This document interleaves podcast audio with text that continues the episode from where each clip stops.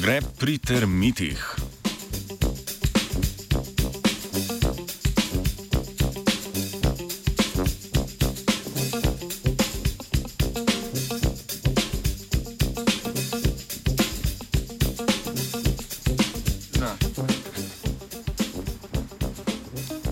Termite poznamo predvsem kot nenasitne razkrojevalce z ogromnim apetitom po lesu, zato nam je verjetno manj znano, da del hrane nekaterih vrst teh žuželk predstavljajo tudi trupla njihovih umrlih bratov in sester. Kanibalske navade vrste Coptotermes gestroj predstavlja raziskava, ki je bila pretekli mesec objavljena v reviji Zoology.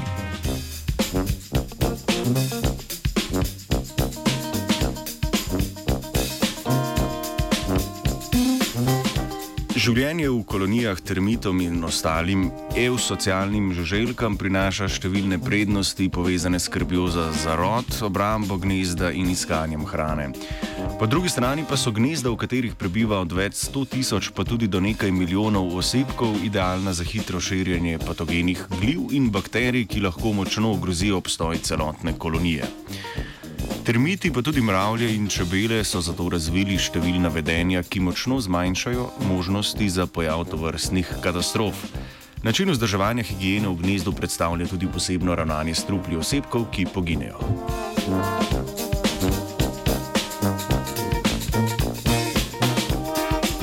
V omenjeni raziskavi je skupino brazilskih raziskovalk zanimalo, v katerih primerjih mrtvi termiti postanejo hrana za ostale prebivalce in prebivalke kolonije.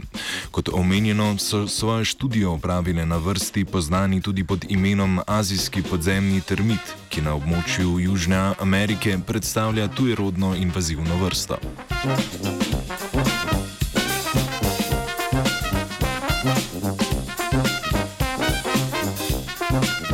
V laboratorijskem poskusu so raziskovalke ugotavljale pogostost kanibalizma v odvisnosti od pripadnosti različnim kastam, torej kaj se zgodi z umrlimi delavci in delavkami oziroma vojščaki.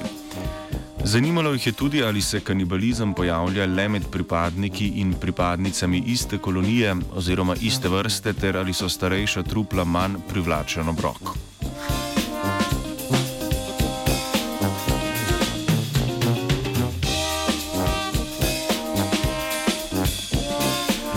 Rezultati predstavljene raziskave nakaz nakazujejo, da azijski podzemni termiti pojedo večino umrlih delavcev in delavk iz svoje kolonije v primeru, da so trupla sveža, medtem ko delavce in delavke drugih kolonij ali drugih vrst zakopljajo. Vojščakov večinoma ne jedo ali jih pojedo le delno, ne glede na pripadnost koloniji oziroma vrsti. Čeprav morebitnih razlogov za bolj spoštljiv odnos do vojščakov ni navedenih, lahko omenimo, da pri delno pojedenih truplih vedno ostane glava, ki pri tej kasti vsebuje trde hitinaste čeljusti.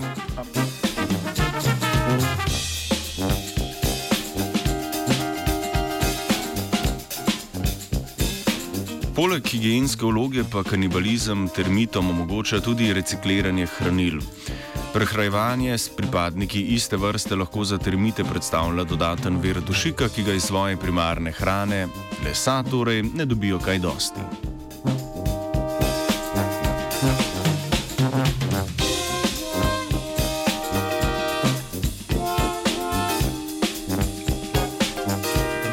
Termitni zajtrk vam je pripravil Gregor.